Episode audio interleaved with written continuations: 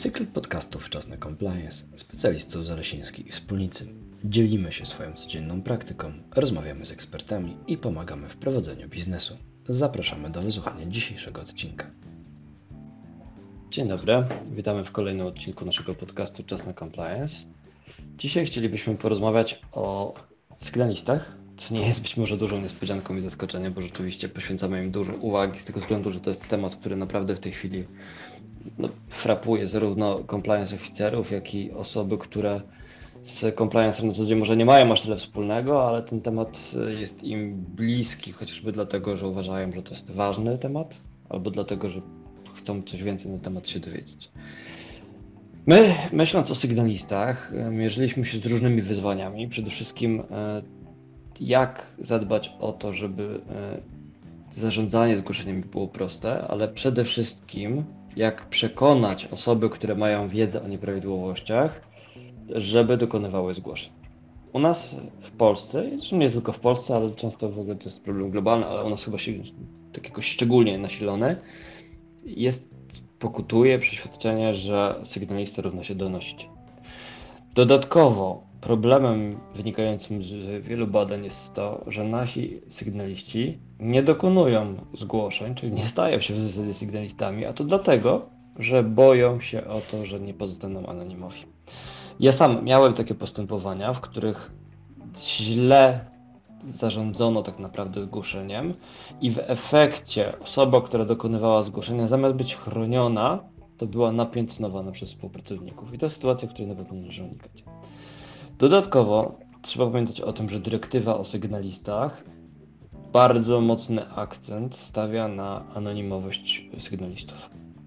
I rzeczywiście trudno tą anonimowością zarządzić w sposób taki klasyczny, typowy, jak to do tej pory w wielu firmach działa, czyli poprzez przyjmowanie zgłoszeń na skrzynkę e-mail. I oczywiście nasz zgłaszający może sobie założyć anonimowego maila, którego wykorzystam wyłącznie do celu zgłoszenia. Super, wszystko jasne. Natomiast rzeczywiście wymaga to od niego pewnego działania, wymaga to od niego dużo więcej zachodu niż wymagać powinno. Bardzo często jest tak, że ktoś, kto chciałby się podzielić wiedzą o jakiejś nieprawidłowości, robi to spontanicznie, robi to mm, szybko pod wpływem jakiegoś impulsu. Jeżeli on do tego celu będzie musiał jeszcze zarejestrować mm, jakiegoś anonimowego swojego maila, zastanowić się, jak to napisać i tak dalej, to, to po prostu może się parę razy rozmyśleć. Dlatego obserwujemy pewien trend, którym jest powstawanie licznych na rynku aplikacji do przyjmowania i zarządzania zgłoszeniami od sygnalistów. I my jakby podążając tym trendem, wspólnie z e, firmą Divinity, również przygotowaliśmy taką aplikację, która pomaga nam tak naprawdę e, zarządzać zgłoszeniami w sytuacjach, w których my się tym zajmujemy w imieniu naszego klienta, ale jest to również aplikacja, którą wspólnie z Divinity, i to, to wyraźnie chciałbym podkreślić, sprzedajemy też naszym klientom, którzy samodzielnie decydują się za pośrednictwem takiej aplikacji, jaką jest Wizboard, zarządzać zgłoszeniami sygnalistów. Dzisiaj e, do udziału w podcaście zaprosiliśmy Izę Babis. Iza jest project managerem w e, firmie Divinity i odpowiada właśnie za projekt Wizboard.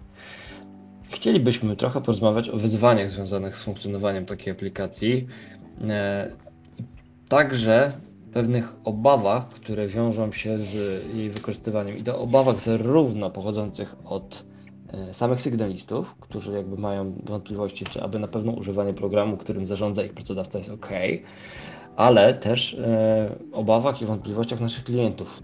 Tematy, z którymi się Divinity mierzy przy, przy sprzedaży tego narzędzia, są moim zdaniem wspólne dla wszystkich narzędzi tego typu dostępnych na rynku i warto o tym rozmawiać nie tylko w kontekście Wizboardu, tylko po prostu w kontekście zastanawiania się o tym, czy warto wykorzystywać takie narzędzie i na co warto zwrócić uwagę przy mm, wyborze jednego z licznych konkurencyjnych na rynku narzędzi. W ogóle Iza, skąd u Was ten temat e, stworzenia narzędzia do zgłaszania nieprawidłowości się wziął? E, jak do tego podchodziliście, jak zaczynaliście działać? Powiedzmy proszę. Mm, cześć, dzień dobry. Więc tak, jeżeli chodzi o samo podejście do mm, aplikacji, która będzie służyła sygnalistom, to tak naprawdę pierwsze jakieś takie zrębowe pomysły pojawiały się na, u nas na hackathonach algaltechowych dosyć dawno.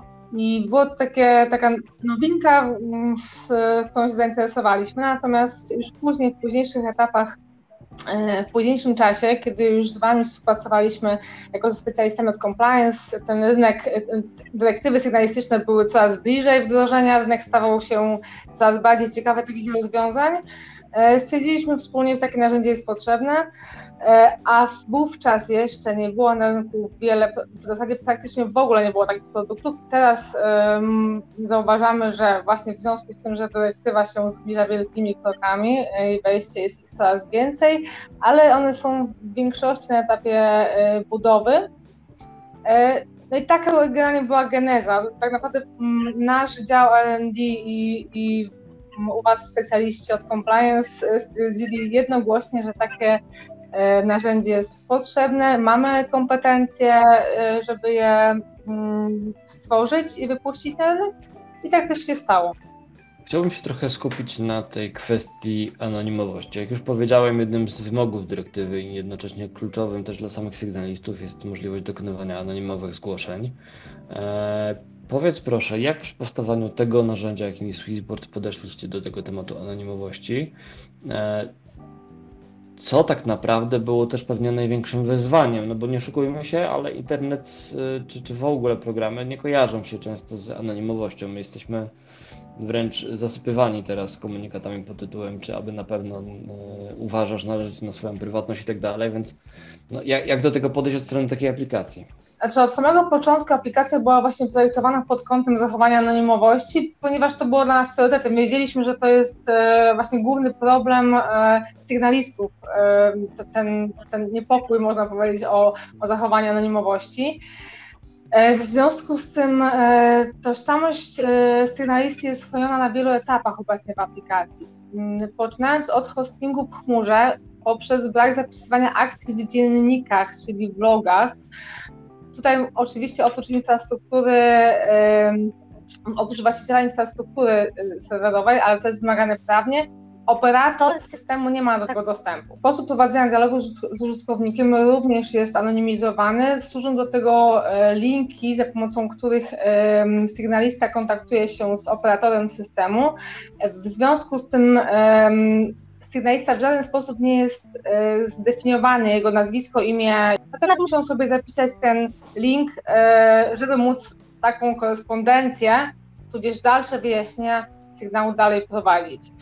E, jeżeli chodzi o dane firm, to są one przechowywane w odrębnych schematach z pełną separacją i szyfrowane są też kopie zapasowe. Także to, jest, to są takie kompleksowe działania zapewniające anonimowość sygnalisty. My jako zespół rozwijający narzędzie jesteśmy w stanie też się w miarę dopasować do um, wymogów rynku.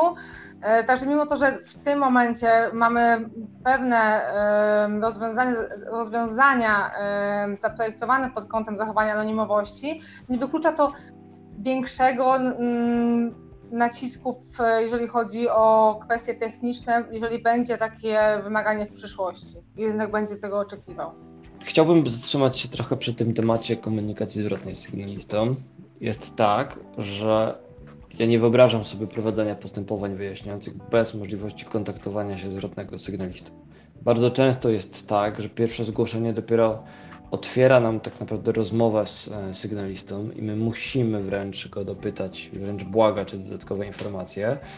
Musimy poprosić czasami o, nie wiem, na przykład dowody, dokumenty, zdjęcia, bo nieraz jest tak, że z treści zgłoszenia wynika, że człowiek ma je w posiadaniu, e, jakby przynajmniej jest świadom ich istnienia, a nie dzieli się nimi z nami w pierwszym kontakcie. Więc ta funkcjonalność komunikacji zwrotnej to było takie nasze coś, co musi się w tym programie znaleźć. No i teraz jakby chciałbym, żebyś trochę więcej powiedziała o tym, w jaki sposób wy do tego podeszliście, bo ja pamiętam to, że na ten temat długo rozmawialiśmy, natomiast pytanie, czy analizowaliście jakieś inne drogi, czy, czy też testując i widząc inne narzędzia, spotkaliście się z innym podejściem, jak ta komunikacja zwrotna jest rozwiązywana? Zatrzymajmy się przy tym, proszę. Tak, zgadza się. Ta, ten problem był dla nas, e, no, dla nas i dla Was e, zarówno wyzwaniem. Po pierwsze, żeby jak to, e, rozwiązać, żeby sygnalista był chroniony na, na, na każdym etapie właśnie komunikacji, bo tak jak mówisz, ta komunikacja często nie kończy się tylko na dodaniu, na zgłoszeniu przez sygnalista, ale również trzeba właśnie podopytywać, zweryfikować, czy to zgłoszenie jest adekwatne, czy nie, e, zasadne. E, I mm, tutaj myśmy rozważali kilka opcji, ale to już takich stricte technicznych, jak to rozwiązać, ten, ten, tę kwestię. Mm, rozważaliśmy kwestię jakichś tam wysłania pinów, innych, e, innych tego typu e, zabezpieczeń dla sygnalisty. Natomiast ostatecznie e, zdecydowaliśmy się na takie rozwiązanie, gdzie sygnalista właśnie musi sobie zanotować e, link, pod którym jest e, taki dialog z nim prowadzony. I o ile sygnalista, który, zdecyduje, który nie zdecyduje się na pełną anonimowość, czyli taki, który poda maila, a to jest jego e, wybór, ma takiego linka na na mailu i sobie do niego może wrócić, o tyle sygnalista, który z pełną świadomością takiego, um, takie zgłoszenie um, zdecyduje się złożyć anonimowo, czyli bardzo zależy mu na tej anonimowości, um, dostaje informację po, po wysłaniu takiego zgłoszenia, że musi sobie ten link zapisać, a e, i za pomocą niego będzie ten ta komunikacja dalej realizowana ta komunikacja jest realizowana w takim oddzielnym panelu w systemie od strony systemu tej WISBOT e, przez operatora. E, natomiast, tak jak już mówiłam, sygnalista ma, ma do niej dostęp za pomocą linka i zarówno sygnalista, jak i operator mogą się za, e, za pomocą tego mm, paneliku wystawionego mm, na linku komunikować. Mogą tam też dosyłać załączniki, zadawać pytania z jednej i z drugiej strony. Natomiast tutaj też należy pamiętać, że, że operator systemu dostanie e, informację, kiedy sygnalista dopyta, natomiast sygnalista musi z pełną świadomością e, wiedzieć, że jeżeli chce się dowiedzieć, co się dzieje w takim w jego sprawie, powinien, e, powinien z tego linku skorzystać. To, co jest istotne, to też e, i na etapie zgłaszania pierwszego sygnału, i na etapie dalszego dialogu z sygnalistą, wszystkie te właśnie załączniki, o których mówiłeś, e, które mogą być dodane, one są również czyszczone z metadanych, co oznacza, że, no bo często przy takich przyplikach, zdjęciach, różnych innych e, tego typu załącznikach, e, możemy no, zdefiniować albo jego twórcę, albo narzędzie, urządzenie, z jakiego zostało, jakim zostało to stworzone, więc e, też istotne dla nas było to, żeby te metadane były usuwane, co też mm, w pełni pozwala anonimizować te informacje, które są przez sygnalistę dostarczane podczas zgłoszenia. Ja przyznam szczerze, że to była dla mnie jedna z większych zagadek, jak przekonać Was do tego, żeby to rozwiązanie trochę zmienić, ale przekonaliście mnie koniec końców, że nie da się tego zrobić bez, e, bez utraty kwestii anonimowości. Ja miałem problem tego typu i jakby trochę mówiąc e, wprost dalej mam, że rzeczywiście sygnalista dostaje ten taki bardzo, bardzo długi adres. Ja to rozumiem już w tej chwili, bo, bo ten adres tak gwarantuje to, że nikt przypadkowo na niego nie wejdzie, tak? Nie, nie, nie wiem, nie, nie wpisze sobie go w tak. z przeglądarki. Tak, tak, faktycznie myślę, że dyskusje były dosyć długie i po naszej, po naszej wspólnie mm, długo to trwało rozważanie, czy która opcja jest lepsza. Tak jak mówisz, no, ostatecznie uznaliśmy, że jest to najlepsze rozwiązanie, a faktycznie systemy konkurencyjne gdzieś tam, które się pojawiają na rynku, podobnie rozwiązują. Znaczy, jak się okazało właśnie tak w, w ciągu ostatniego roku, kiedy te, tych systemów troszkę więcej powstało, to nie ma jakiegoś takiego super, um, może bardziej ładniej, ładniej wyglądającego rozwiązania, żeby faktycznie tą pełną anonimowość zachować. A jak się okazuje też w, ostatnich, w ostatnim terminie te, te, ta anonimowość w kontakcie właśnie dalszym jest bardzo istotnym, nawet bardziej niż nam się chyba początkowo wydawało elementem dla sygnalisty. Stąd też wydaje się, że to rozwiązanie, które zaimplementowaliśmy, czyli to przekazanie sygnaliście e, długiego, może nieładnego linku, ale jednak takiego, na którym on się czuje w pełni anonimowo, jest on funkcjonalny, jest rozwiązaniem na tą chwilę najlepszym. Tu ważną rzeczą jest też to, ja też się musiałem tego nauczyć w obsłudze programu, że ok, sygnalista musi ten adres zapamiętać, ale ja muszę się pogodzić z tym jako operator systemu, realizując czy tam obsługując te zgłoszenia w imieniu klienta, że ja tego linku też nie dostanę. Czyli nawet gdyby w którymś momencie w toku postępowania ten sygnalista się zgłosił, opisał mi treść tego zgłoszenia, udowadniając w ten sposób, że to on jest jego autorem, ja nie będę w stanie tego linku już mu z powrotem e, podrzucić, tak żeby on mógł go sobie odtworzyć. Czyli jeżeli tego nie zrobi, to musi rzeczywiście dokonać nowego zgłoszenia i tylko my wtedy możemy ewentualnie to sobie jakoś wewnętrznie połączyć. Tak, zgadza się. No to, to jest e, taki minus, który na, na, na który się jednocześnie zgodziliśmy, ale on e, jednak nam tu daje gwarancję, że e, żeby ten sygnalista jednak był anonimowy, bo jeżeli przesyłalibyśmy link, przepraszam, nie przesyłali linku sygnalista, wysyłali go gdzieś indziej do, do operatorów systemu, no to sama idea by um, traciła to, to swoje przeznaczenie. Stąd też tak, tak, jest to jeden z minusów, ale myślę, że tak, tak jak już powiedziałam wcześniej, że w świetle tej istoty anonimowości jest to minus, y, który y, zostaje zniwelowany przez to, jak dobrze jest ta, ten sygnalista chroniony. I właśnie ja też, ja też to przyjąłem koniec końców, bo szczerze mówiąc ten, ten taki wymóg anonimowości jest dla mnie tutaj istotniejszy niż jakaś kwestia mojego komfortu, tym, tym bardziej, że wie, wierzę bardzo w to, że rzeczywiście e, gdybym ja jako operator ten link dostał, to mówienie anonimowości jest trudne, bo w większości tak naprawdę mm, sytuacji, w której wdrażamy ten system u klientów, jest tak, że dostęp do panelu zgłoszeniowego ma co najmniej kilka osób, minimum dwie tak naprawdę, więc Mm, to tym bardziej uniemożliwiałoby ewentualnie ustalenie, od kogo ten adres później wyszedł, tak? Więc to, to, to, to, to jest tak, tak naprawdę jedyna, jedyna, jedyna opcja, żeby to mogło działać. E, powiedz mi proszę jeszcze jedną rzecz, pozostając trochę w kwestiach anonimowości, poufności, chmura. Z tym się mhm. mierzymy przy każdej jednej sytuacji, niezależnie czy mówimy o programie mm, e, dla sygnalistów, czy mówimy tak naprawdę o dowolnym innym narzędziu wdrażanym w tej chwili w firmie. Jest tak, że bardzo dużo przedsiębiorców e, przechodzi trochę no, do chmury na, na, bardzo szeroką skalę, nawet nie trochę, przechodzi na szeroką skalę do chmury, a z drugiej strony ciągle wielu naszych klientów się tego obawia. To jest trochę też nasze compliance'owe wyzwanie. Ono już teraz absolutnie nie dotyczy wyłącznie programu dla sygnalistów. Mm, dotyczy także wielu innych narzędzi. Czy czy Twoim zdaniem chmura jest tutaj niezbędna w tego typu programie, czy da się to postawić na, na, na własnych serwerach i, zachować te wszystkie cechy, do których oczekuje dyrektywa?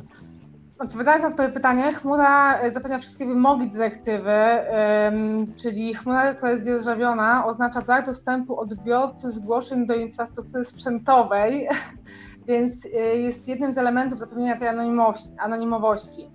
E, czyli od troszkę innej strony tak, dałoby się system wdrożyć na wersji na e, serwerze dedykowanym u klienta, natomiast e, w związku z tym, że wtedy klient zarządza tym serwerem, ma dostęp do tego, co się na nim znajduje i wtedy nam to bardzo um, mocno wpływa na, ten, e, na tą anonimowość, o której mówiliśmy wcześniej. Czyli chmura to, że chmura jest e, dzierżawiona od zewnętrznego dostawcy, to nam gwarantuje e, tak naprawdę tą, tą anonimowość. E, oczywiście jest możliwość tutaj w inny sposób rozwiązania hostingu, ale to jest najlepszy taki, który zapewnia nam na 100% e, tą anonimowość. I oczywiście wiemy, że to jest problem, e, szczególnie kiedy też te wytyczne się co do, dotyczące chmur e, i przechowywania danych w chmurze się często zmieniają. Natomiast w kontekście sygnalisty i systemu dla niego, no tutaj chmura spełnia te wszystkie warunki, umieszczenie systemu w chmurze, postawanie go tam, a co do, co do innego typu hostingów, no to musielibyśmy, e, oczywiście jest to możliwe, nie, nie jest to wykluczone, ale tutaj w zależności od tego właśnie jak bardzo klient e, kładłby nacisk na tą kwestię anonimowości, a jak bardzo na to, gdzie, gdzie chce mieć system e, hostowany. Ja też mam cały czas na uwadze to, że Komisja Nadzoru Finansowego nawet e, wydała już chyba drugą wersję swoich wytycznych co do tego, jak narzędzia chmurowe powinny działać w e, sektorze podmiotów e, nadzorowanych przez komisję. Zakładam zatem, że jeżeli nawet banki czy, czy, czy sektor finansowy szeroko rozumiany, emitenci giełdowi też radzą sobie z tą chmurą, no to, to, to jakby po prostu musimy jakoś się do tego przyzwyczaić i oswajać z tą myślą. Co nie zmienia faktu, że znowu trzymając się wątków czysto compliance'owych, to ten temat takiego cyberbezpieczeństwa z tym związanego no, powinien w organizacjach istnieć i powinien być na pewno dobrze zaopiekowany, bo to nie jest już coś, co mm, jest jakimś wymysłem i fantazją dotyczącą tylko i wyłącznie firm typowych, technologicznych. No ale szczerze mówiąc, to jest absolutny must have dla wszystkich firm, które, które po prostu mają do czynienia z internetem, które po prostu mają do czynienia z narzędziami, które się z tym internetem łączą. E, bo, bo zwyczajnie element cyberbezpieczeństwa to, to, to, nie tylko jest narzędzie dla sygnalistów, to, to równie dobrze może być zatrzymanie produkcji na skutek po prostu jakiegoś włamania do, do programów, które tą produkcją zarządzają. Tak? Także no, jeżeli nie boimy się tego w takich miejscach, to nie boimy się też moim zdaniem i przy sygnalistach, bo to też jest. Yy to jest to samo w zasadzie, może tak w ten sposób. Tak, zgadza się, ale tym bardziej, że tak naprawdę w niektórych wypadkach, już tak skrajnie rzecz ujmując, chmura wydaje się być bezpieczniejsza niż, znaczy wydaje się, w dyskusjach, e, jeżeli mówimy o tym, co jest bezpieczniejsze, e, czasami chmura nawet w takim prostym przykładzie, mm, jeżeli doszłoby do e, takiego mechanicznego uszkodzenia serwera, no to chmura ma mm, większe lepsze mechanizmy zabezpieczania e, backupu i przenoszenia tych danych. W związku z czym wydaje się być bezpieczniejsza, jeżeli chodzi o, pod kątem ciągłości działania aplikacji. A oczywiście też należy wspomnieć o tym, że um, o wiele łatwiejsze jest skalowanie takiego rozwiązania e, i zachowanie wysokiego poziomu dostępności, co też, jak się domyślam, tudzież wiem od Was, e, w, na, w niektórych przykładach zapewnienie ciągłości dostępności ma spore znaczenie, jeżeli by doszło do zgłaszania jakichś sygnałów, które wymagają szybkiej obsługi, e, czy obsługi, czy reakcji, mm, więc to jest też e, na pewno plus rozwiązania e, hostowanego w chmurze.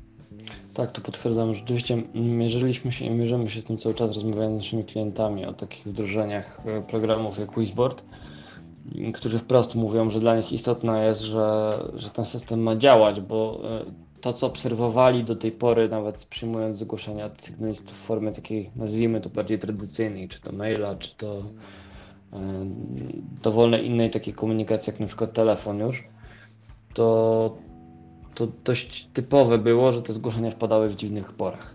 Tak, to nie jest niczym nietypowym, że zgłoszenie przychodzi w weekend, w nocy, Możemy sobie tylko dopowiadać konteksty, natomiast no po prostu tak się dzieje. W związku z tym nie możemy sobie pozwolić na to, żeby w tych godzinach program był niedostępny. Jeszcze jeden temat, jedno wyzwanie chciałbym trochę tutaj e, podnieść i zadresować. To rzecz, którą się mierzymy i mierzyć w zasadzie może będziemy nawet za chwileczkę. No jakby tworzyliśmy wspólnie, projektowaliśmy to narzędzie, jakim jest Twistboard e, na potrzeby dyrektywy. Natomiast no, dyrektywa nie jest prawem, które bezpośrednio będzie w Polsce obowiązywało, tylko powstanie polska ustawa. Polska ustawa, której projektu ciągle nie możemy się doczekać. On już sobie gdzieś tam krąży pomiędzy Rzecznikiem Praw Obywatelskich a ministerstwem. Natomiast ciągle nie jest to dokument y, jawny, do którego możemy zajrzeć i do którego możemy jakby spróbować coś się jakby odnieść w jakikolwiek sposób. No i teraz pytanie, w jaki sposób wy się przygotowujecie na to, żeby dostosować narzędzie pod y, pod polską ustawę. Czy będziecie w stanie to rzeczywiście zrobić, bo program jest na to otwarty, czy raczej zakładacie, że ten poziom ogólności dyrektywy jest na tyle, mm, na tyle mało szczegółowy, że nie będzie tutaj takich niebezpieczeństw i nie musimy jakoś specjalnie programu dostosować do dyrektywy. To jest coś, z czym się mierzymy wspólnie w zasadzie. Tak, tak, zgadza się. Tutaj też właśnie na, przy projektowaniu systemu, właśnie w, w, konsultacji z Wami, chcieliśmy, braliśmy pod uwagę taki właśnie szeroki kontekst e, prawny, jeżeli dobrze to ujmuję, e, który spełniałby właśnie to, co nam może e, z, z dyrektywy, że tak powiem, się e, wykluć pod kątem wymagań w systemie. Natomiast my jako wytwórcy właśnie e, systemu, mamy dedykowany, e, pracujemy z dedykowanym zespołem dalej nad rozwojem. To nie jest tak, że myśmy ten system stworzyli gdzieś tam um, rok temu i czy pół roku temu e, i koniec. My dalej pracujemy nad roadmapą, nad rozwojem, także zdajemy sobie sprawę z tego, że te przepisy szczegółowe dopiero będą wchodzić. Jesteśmy na to przygotowani, o ile jeszcze pewnie z Wami będziemy konsultować szczegóły właśnie takie roadmap pod kątem już stricte e, przepisów i właśnie dostosowania do tego funkcjonalności. O tyle cały czas jesteśmy przygotowani na rozwój i mamy nadzieję, że po pierwsze właśnie prawodawstwo, a po drugie e, też potrzeby klientów będą niejako kształtowały tą roadmapę. E, w związku z tym e, tak podchodzimy do tego jak najbardziej, także że chcemy produkt rozwijać, chcemy go dostosowywać i mm, e, jeżeli chodzi o prawodawstwo polskie, no i jeżeli też chodzi o e, tutaj szerszy rozwój w kontekście e, innych krajów Unii Europejskiej i szerzej, też na to jesteśmy przygotowani. Oczywiście tutaj będziemy, się okaże tak naprawdę za jakiś czas, jak, jak, jak ten rynek chłonie takie narzędzia. W związku z tym jesteśmy przygotowani na to, że Wizbot będzie dostosowywany do nowych przepisów e, z obszaru whistleblowingu e, i będzie odpowiadał na um, potrzeby klientów. Dotknąłeś w ogóle ciekawego tematu, bo ja też jestem bardzo ciekaw, jak rynek będzie chłonął takie narzędzia. Jest ich już trochę na rynku. Ciekawym jest dla mnie to tak też jako prawnika że rynek e, IT tak dostosował się do, do kwestii prawnych i rzeczywiście te narzędzia się pojawiają. E, to jest pewien trend, myślę. Tak naprawdę tego się należy spodziewać szerzej w przyszłości, także w kontekście innych regulacji prawnych. Tak mi się wydaje, że ilekroć tylko będzie przepis pozwalał na zautomatyzowanie pewnych rzeczy, to należy spodziewać się wysypu aplikacji różnego typu. No tutaj rzeczywiście sygnaliści są takim chyba pierwszym tak bardzo mocno charakterystycznym punktem, w którym rzeczywiście tych aplikacji jest tak dużo. Mm, no, ja jestem bardzo ciekaw, bo uważam, i, tutaj niezależnie od tego, że jesteśmy współtwórcami Wizboardu, uważam, że obsługa zgłoszeń od sygnalistów poprzez narzędzie informatyczne, już dowolne narzędzie tak naprawdę, jest dużo wygodniejsza niż zarządzanie nimi w formie papierowej i też dużo bezpieczniejsza. Ja się tym po prostu czuję w tej chwili lepiej niż w sytuacji, w której kiedyś odbieraliśmy te zgłoszenia poprzez przygotowany jakiś tam mail, nie wiem, zgłoszenia małpa, coś tam po małpie, nazwa klienta. E, bo tak naprawdę mamy zamkniętą bazę, mamy zamknięty katalog tego i, i no, jest łatwiej, wygodniej, jest mówiąc wprost. Tutaj jest po prostu wygodniej, tak z mojej perspektywy. Jestem tak, bardzo ciekawy. Się. Dla mnie, dla mnie, przepraszam, że ty, e, wejdę Tomku w słowo, dla mnie e, to rozwiązanie e, w kontekście aplikacji jest oczywiście, że bezpieczniejsze niż inne formy, ale ja też jestem przedstawicielem IT, więc dla mnie naturalnie to będzie bezpieczne. E, natomiast jeżeli chodzi o samą, samą wygodę e, już pod kątem właśnie waszym obsługi takich zgłoszeń czy compliance officera, to jak najbardziej jest to też wygodniejsze samo ewidencjonowanie takich zgłoszeń, samo statusowanie takich zgłoszeń. Myślę, że to ma, daje o wiele większy komfort. Już mówiliśmy wcześniej o sygnaliście o komforcie zgłaszania, Teraz e, właśnie mówię o tym komforcie obsługi od strony e, działu compliance czy, czy operatora systemu. Na pewno jeszcze przy dużej skali zgłoszeń myślę, że to jest argument nie, nie do przebicia przez stare metody, tam te analogowe metody. A jeżeli chodzi o właśnie dostosowanie aplikacji czy tam rozwiązań do, do e, nowych przepisów, to też mi się tak wydaje, że jest to duży potencjał, tym bardziej, że też w tym okresie e, ostatnich dwóch lat pewnie też to troszkę przez pandemię miało, miało wpływ. Ten dział, obszar legal techowy bardzo prężnie zaczął się um, rozwijać, znaczy może nie zaczął się rozwijać, ale się rozwija i tak w kontekście właśnie cyfryzacji i e, korzystania z tych rozwiązań IT. Więc też jestem bardzo ciekawa, jak, jak to będzie dalej działać, ale myślę, że prawnicy i szeroko, szeroko, pojęte, e, szeroko pojęte działy prawne będą e, na pewno korzystać z tych możliwości nowinek technologicznych. Mam nadzieję.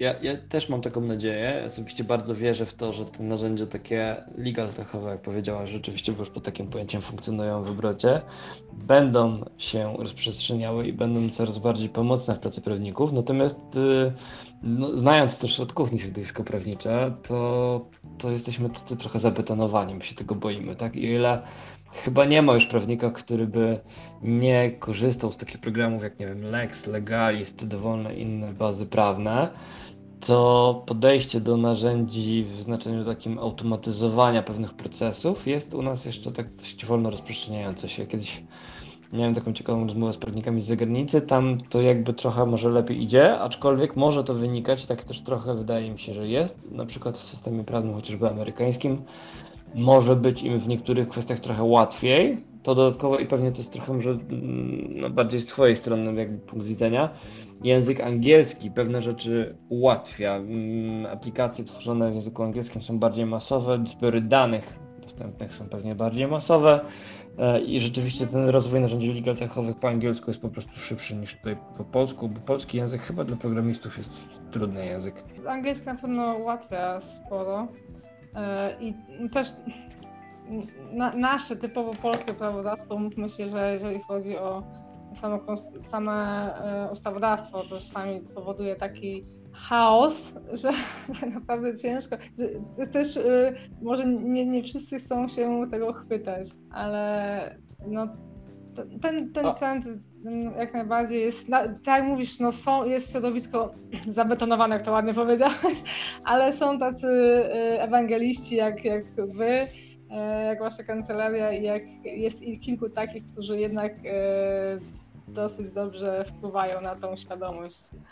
Więc trzymam kciuki, żeby było więcej, albo żeby wam to gdzieś tam fajnie to szło, bo mówię, ja jestem tym żywo zainteresowana. E, Dziękuję, podo- po- dziękuję, podoba mi się to określenie. Mam nadzieję rzeczywiście, że jako angliści będziemy w stanie rzeczywiście krz- krzewić rozwój narzędzi legal w Polsce. E, Fakt faktem jest rzeczywiście, że to lubimy i to staramy się robić. Mam nadzieję, że to też będzie coraz bardziej rzeczywiście zauważalne. I tu nie mówię absolutnie o naszych narzędziach, tylko po prostu powszechnym wykorzystaniu narzędzi legal bo ja wierzę, że w tym jest przyszłość, bez jednocześnie mm, ryzyka utraty pracy, takiej klasycznej pracy prawnika, bo mam wrażenie, że jeszcze albo chcę w to wierzyć, że jeszcze długo maszyny pewnych czynności prawnika nie będą w stanie realizować, a tylko zabiorą nam tą taką najgorszą część pracy, tą, tą część pracy taką bardzo powtarzalną i masową, tak? bądź taką, która Mhm. trochę jest w tle, jak, jak, jak Whisper na przykład. Jest. Dziękuję Ci Iza za, e, za, za przyjęcie zaproszenia, za, za rozmowę. Dziękuję I- bardzo. Mam nadzieję, że jeszcze kiedyś będziemy mieli okazję porozmawiać także o technologiach w kontekście compliance'u. Myślę, że ten poruszony temat cyberbezpieczeństwa jest bardzo interesujący i ważny dla compliance'u w ogóle, więc gdybyście, e, drodzy słuchacze, chcieli coś więcej na ten temat, to oczywiście zapraszamy do kontaktu, prosimy o informacje i zastanowimy się, kogo moglibyśmy zaprosić, żeby porozmawiać o compliance w kontekście cyberbezpieczeństwa. Dziękuję za uwagę dzisiaj.